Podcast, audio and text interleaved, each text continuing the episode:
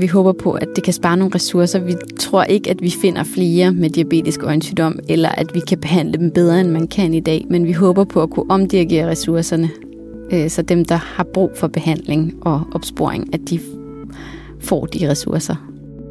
Diabetisk øjensygdom er en alvorlig senfølge til diabetes, og hvis det ikke opdages og behandles i tide, kan det føre til synstab og blindhed. Der bruges mange ressourcer på at undersøge, om personer med diabetes er ved at udvikle diabetisk øjensygdom eller allerede har det, og så den undersøgelse kan være ret omfattende. I et nyt forskningsprojekt undersøges det, hvordan man på en smartere måde kan finde frem til, hvem der er i risiko for at udvikle diabetisk øjensygdom, så der kan sættes tidligt ind med den rette behandling. Forskerne undersøger både, hvordan det kan gøres smartere i Danmark og i Grønland, med de forskelle, der nu engang er på at behandle diabetes i de to lande. Jeg hedder Simon Brix, og jeg har i dag besøg af kvinden bag forskningsprojektet, og det er dig, Stine Byberg. Du er seniorforsker og teamleder på Steno Diabetes Center i København, men er lige nu udstationeret til Steno Centeret i Grønland. Ja. Velkommen. Tak. Stine, vil du ikke allerførst svare på, hvorfor det er, du synes, at det er spændende at forske i øh, diabetisk øjensygdom? Jo, det vil jeg meget gerne.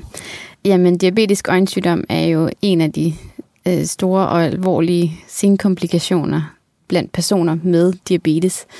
Og det er sådan, jo længere tid man har haft diabetes, øh, jo større risiko er man for udvikle, har man for at udvikle diabetisk øjensygdom.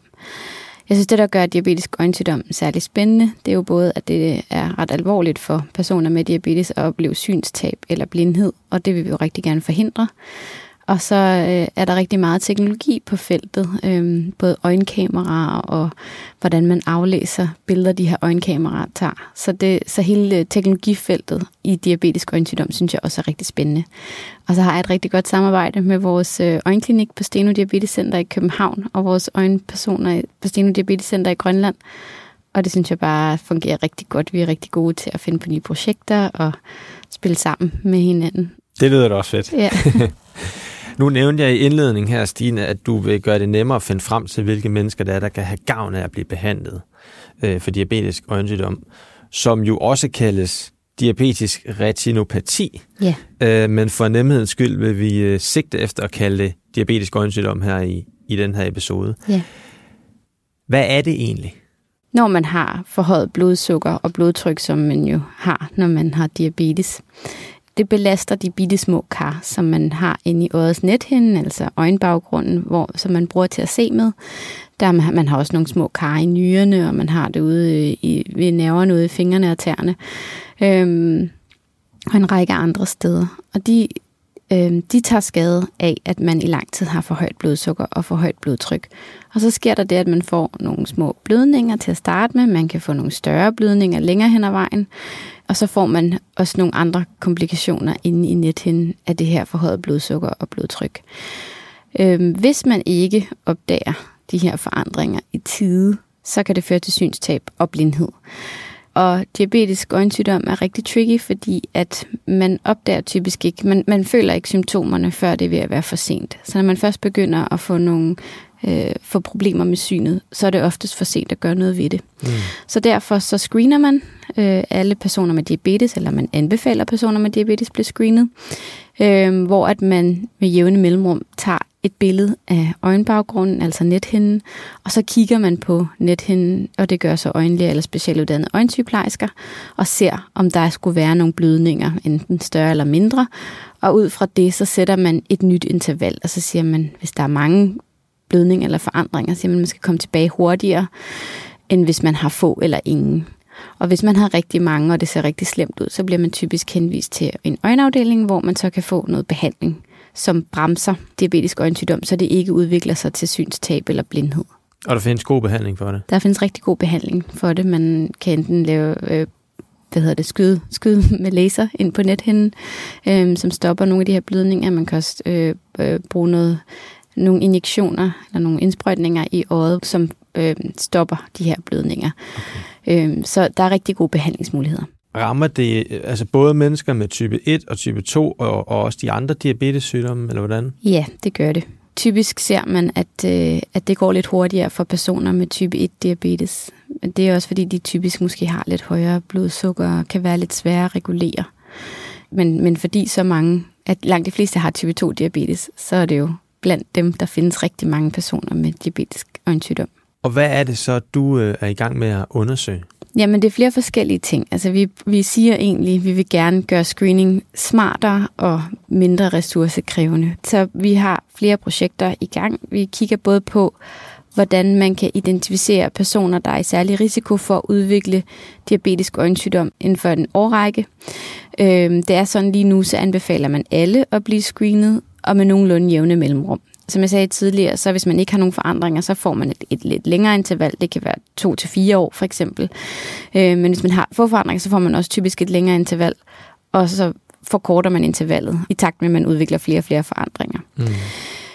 I Danmark så bliver cirka 85 procent af dem, der bliver screenet, de har ingen forandringer eller meget, meget få. Så de kan egentlig få et rigtig langt interval uden det gør noget, fordi man også er blevet så god til at behandle diabetes.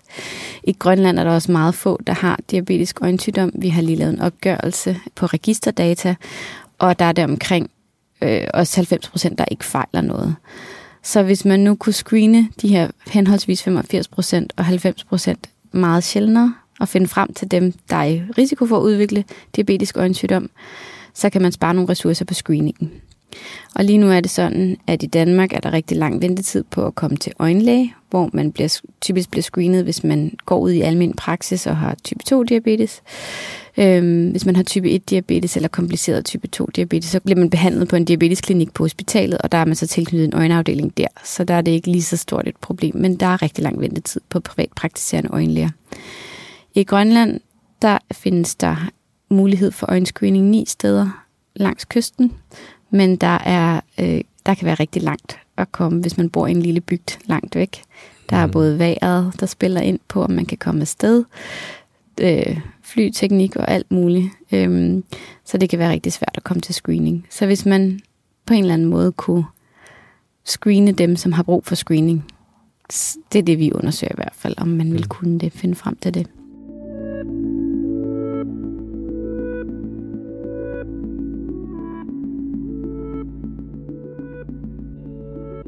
Stine, jeg ved, at din forskning den kan inddeles i tre overordnede dele, så at sige. Mm. Der er det her med, som du også taler om, at finde en optimal screeningsintervalmodel. Og så er der også noget med at kunne anvende en ny form for kamera. Og så er der til sidst noget, der handler om, hvordan man kan komme til at anvende kunstig intelligens til at gøre livet lettere, både for, øh, for patienter og, øh, og lærerne. Ja, vil du starte med at forklare, hvordan det er, I undersøger det her med den optimale og finde frem til den optimale screeningsintervalmodel?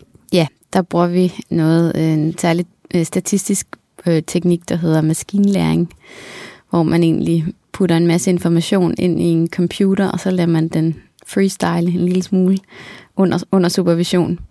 Øh, men det vi gør er, at vi, vi prøver at kigge på, findes der nogle sammensætninger af personkarakteristika, som er i særlig risiko for at udvikle diabetisk øjensygdom. Mm. På Steno Diabetes Center i København, der har vi en masse registerdata med opfølgning på 20 år, hvis ikke mere. Mm. Og der ved vi jo nu, på nuværende tidspunkt, hvem har udviklet øjensygdom, og hvem har ikke. Mm. Og så kan vi kigge 20 år tilbage i tiden og sige, Nå, men det var jo lige præcis dem, der var mænd, der var over 50 år, der øh, vejede over 70 kilo, der havde et, langtids, et højt langtidsblodsukker osv. Så vi prøver egentlig at identificere nogle forskellige undergrupper af personer, som vil være i særlig risiko for at udvikle diabetisk øjensygdom. Okay. Og det, vil så, det kan så betyde, at når den her person, jeg har, fiktiv person, jeg har vi har fundet frem til, når han kommer til en screening i øjenklinikken, så kan de sige, okay, lige præcis dig, du har nogle karakteristika, der gør dig særlig udsat for at udvikle diabetisk øjensygdom. Dig skal vi følge lidt nærmere. Og så kan vi jo på samme måde så finde dem, der er i meget lille risiko for at udvikle diabetisk øjensygdom. Og når de kommer ind i klinikken, kan vi sige, ved du hvad, der kan vi med ro i maven give et langt interval. Så på den måde, så dirigerer vi vores ressourcer i retning af dem, der rent faktisk har behov for det. Hvor langt er det, I er i den del af studiet? Jamen, vi er egentlig rimelig langt. Vi har brugt det her øh, registerdata, vi har på alle personer med diabetes, som har gået på Steno Diabetes Center i København i en lang årrække. Øhm, og der har vi fundet forskellige personkarakteristika, som kan have betydning for udvikling af diabetisk øjensygdom. Okay. Det vi venter på nu, det er at få noget andet data fra den kliniske kvalitetsdatabase for diabetisk retinopati og makulopati, sådan så vi kan validere den model, vi har fundet frem til i noget andet data. Så vi er sikre på, at vores model gælder for alle personer med diabetes, og ikke kun de personer, vi har gående på Steno Diabetes Center i København. Okay.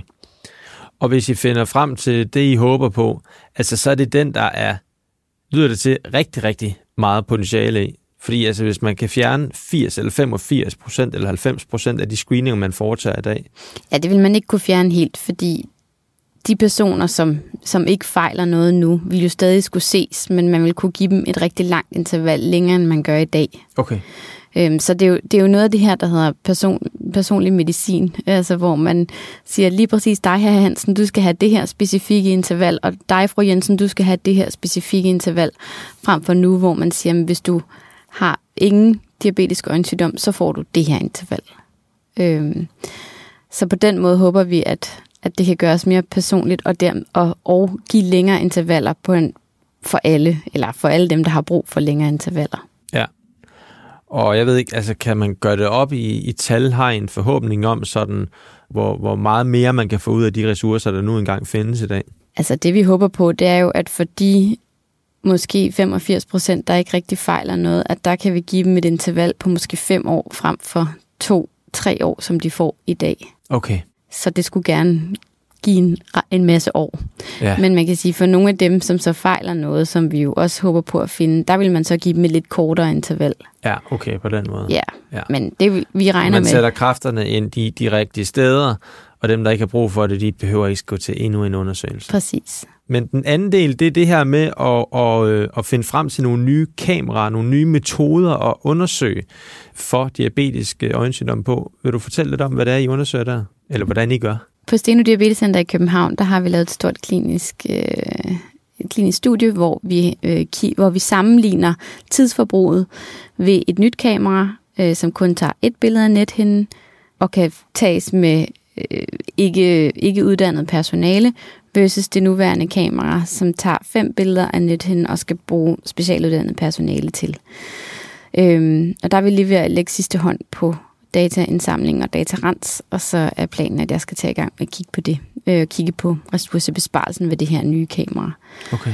Og i Grønland, der har vi været, lavet et lille pilotstudie i Nuuk, som jo er hovedstaden, hvor vi har taget billeder med det lille kamera, øhm, og sammenholdt med øh, billeder med det store kam- med det kamera, der bliver brugt nu, og kigget på, om vi finder nogenlunde det samme, om kvaliteten er okay. Og det har vi også gjort nede i Sydgrønland, hvor vi har rejst rundt til nogle mindre byer, som ikke har øjenkamera, og screenet øh, personer, som skulle til screening.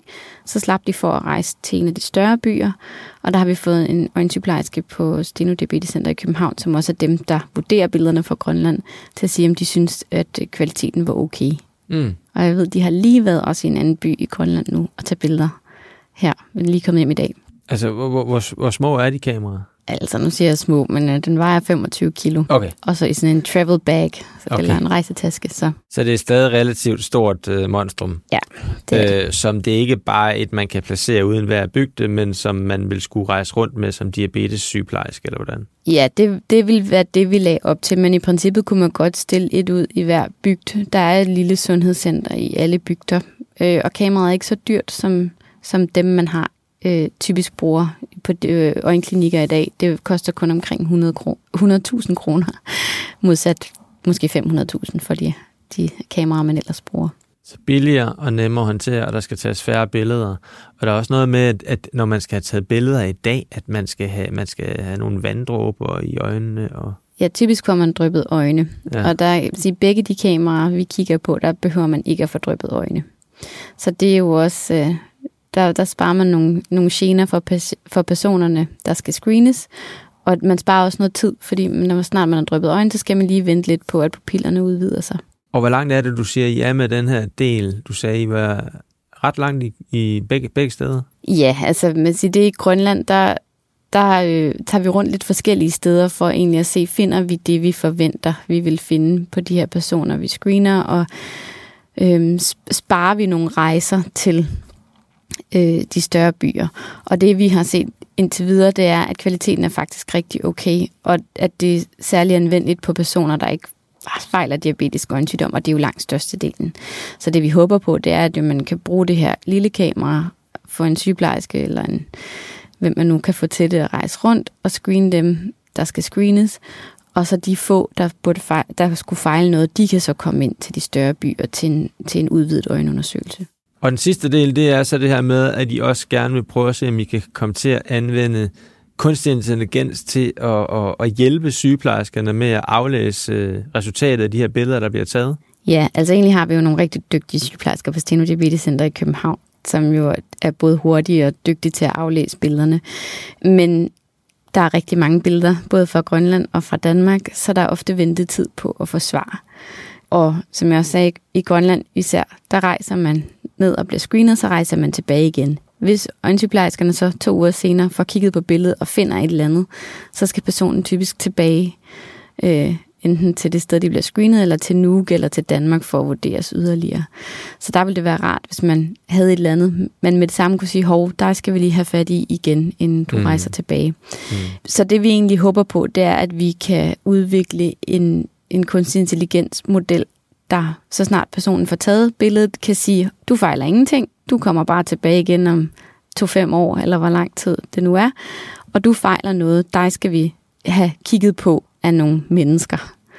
Og der er vi, vi har udviklet en model til Grønland. Øhm, det er sådan, at med kunstig intelligens, den lærer ved at kigge på en masse billeder, hvor man har facit. Så man kan sige, du fodrer den med en masse øjenbilleder, som en øjensygeplejerske eller øjenlæge allerede har sagt, hvad fejler personen. Mm. Øhm, og så lærer den at se, når man det her billede, der er ikke rigtig nogen forandringer, eller det her billede, der er nogle forandringer. Og der har man set tidligere øh, andre steder i verden, at hvis man udvikler en model til en vestlig befolkning, og så overfører den til en asiatisk befolkning, så performer den rigtig dårligt. Fordi asiatiske øjne ser anderledes ud end en vestlige øjne. Okay. Så derfor så skal vi også udvikle en, der passer til Grønland, fordi vi grønlandske øjne ser nok også anderledes ud end danske øjne. Mm. Så derfor så udvikler vi en både til Danmark og en til Grønland. Okay. Og den i Grønland, der har vi udviklet noget, men vi synes ikke, den er helt god nok endnu. Okay. Så den skal vi optimere på, og det gør vi sammen med Syddansk Universitet. Og det samme gør vi også øh, i en model for, for de danske data. Og hvornår tror I, den er på plads? Ja, det afhænger af juristerne, fordi lige nu sidder vi og venter på, at vi må udveksle data med Syddansk Universitet. Øh, det er nogle forskellige databehandleraftaler, okay. som sidder fast inde hos juristerne. Og sådan er det med rigtig meget af det, vi sidder og laver, vi venter på at få lov til at bruge data. Ja, okay. okay. Men ud fra alt det, du har fortalt her, hvor, hvor, hvor, hvor tæt vil du så sige på, at, at I øh, sammenlagt er på at finde en smartere screeningsmodel af diabetisk øjensygdom? Jeg synes, vi er ved at være der. Øh, altså, vi er jo ved at, så snart vi kan få vores valideringsdata til at, at, at, at validere det optimale screeningsinterval, så, tror, så synes jeg, vi er et sted, hvor vi kan øh, gå ud og anbefale nogle mere personlige intervaller, baseret på nogle personkarakteristika øh, blandt personer med diabetes. Vi er ret langt med kameraerne, øh, og kunne bruge nogle nye kameraer, nogle anderledes kameraer, og få med mindre uddannet personale. Og kunstig intelligens-delen, så snart vi har tilladelsen til at bruge billederne, så går det ret hurtigt.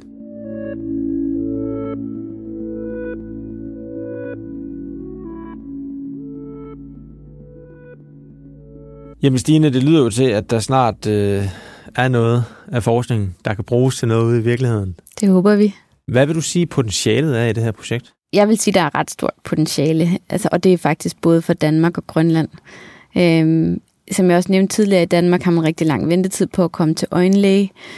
Øh, det er sådan blandt langt størstedelen, der går ud i øh, hos deres almindelige praktiserende læge og får behandlet deres diabetes der. Der vil den praktiserende læge anbefale person med diabetes at kontakte en øjenlæge og få øh, lavet en tid til en screening. Og når de så er blevet screenet der, så vil øjenlægen jo så anbefale et screeningsinterval. Øjenlægen må ikke indkalde personen igen. Der skal personen selv huske, at de skal bestille tid hos øjenlægen. Mm. Så man kan sige, øh, hvis, hvis man kan gøre det hele smartere, lave nogle længere intervaller, et eller andet, så vil man i hvert fald få sparet en række ressourcer øh, hos øjenlægerne, og som kan gøre, at dem, der fejler noget, de kan komme hurtigere til øjenlæge, eller dem, der er i risiko for at fejle noget, kommer hurtigere til øjenlæge, end det er i dag. Ja, og, det, og sådan gælder det egentlig for al, alle de tre projekter. Vi håber på, at det kan spare nogle ressourcer. Vi tror ikke, at vi finder flere med diabetisk øjensygdom, eller at vi kan behandle dem bedre, end man kan i dag. Men vi håber på at kunne omdirigere ressourcerne, øh, så dem, der har brug for behandling og opsporing, at de får de ressourcer. Og hvordan ser du det her felt udvikle sig, hvis vi ser 5 og 10 år frem? Jamen, der tror jeg, at man har langt mere af det her personlige medicin, altså at man laver meget individuelle intervaller og behandlingsplaner. Så på kunstig intelligensområdet, det er jo i rivende udvikling. Der tror jeg, om 5-10 år, så kan man sikkert tage et billede med sin iPhone og uploade det til en sky, og så så, øh, forsvar med det samme. Forsvar med det samme. Øh, så behøver man ikke engang bevæge sig ud af sin sofa. Øh, faktisk findes der allerede en del algoritmer og apps, man kan bruge til at tage billeder af sit øje med sin iPhone nu, men de er bare ikke gode nok endnu, men det er de nok om 5-10 år. Godt. Jamen ved du hvad? Med det svar, så vil jeg nu stille dig det sidste spørgsmål. Og det er, hvad det vigtigste, du selv har lært ved at arbejde med det her område? Jamen, øh, det hører nok ikke kun diabetisk øjensygdom til, men øh, det er det her med, at vi har så gode data i Danmark og Grønland. Det her registerdata, som er patientdata, man løbende indsamler, når, person, når patienter kommer til lægen. Øh, det er sådan en, det er så godt, så godt data, øh, og, og det må vi gerne bruge i Danmark og i Grønland til at lave forskning på. Øh, men der er så mange problemer, eller så mange stopklodser i form af jura, mm. som gør, at vi, vi tit skal vente rigtig længe på at bruge de her data. Og altså alt data, vi har fået indtil videre, som vi har analyseret på og lavet modeller på, det kommer virkelig patienterne til gavn. Mm. Så det er rigtig ærgerligt, at det kan nogle gange være så svært at få lov at arbejde med det her data, fordi der er så mange stopklodser i form af jura. Så budskabet er, at vi skal skulle have afskaffet noget jura? Ja, I hvert fald skal vi, vi skal have en smartere måde at få ja. godkendt øh, de her databehandleraftaler på, for eksempel, eller at man kan få lov at bruge data, for der er rigtig mange af os, der sidder fast. Øh, i ikke at kunne få lov at bruge data. Men det er jo i hvert fald godt at høre med henblik på jeres forskning og fremtidig forskning, at der findes så solid data, mm. øh, som, er, som er anvendeligt og som kan gøre livet lettere for, for mennesker med diabetes, ja. hvis, øh, hvis man kan få lov at bruge det. Ja, altså det registerdata, det er virkelig en guldgruppe. Ja. Øhm, det må man sige. Godt. Stine Byberg, tusind tak, fordi du øh, kom i studiet og fortalte om din forskning. Selv tak. Og på den note, så er øh, denne episode af Diabetesforskerne ved at være slut. Husk, at du kan finde alle episoder fra denne sæson og de to første sæsoner i alle podcast-apps. Du kan desuden læse mere om diabetesforskning på de syv Steno Diabetes Centers hjemmesider. Mit navn er Simon Brix. På genhør.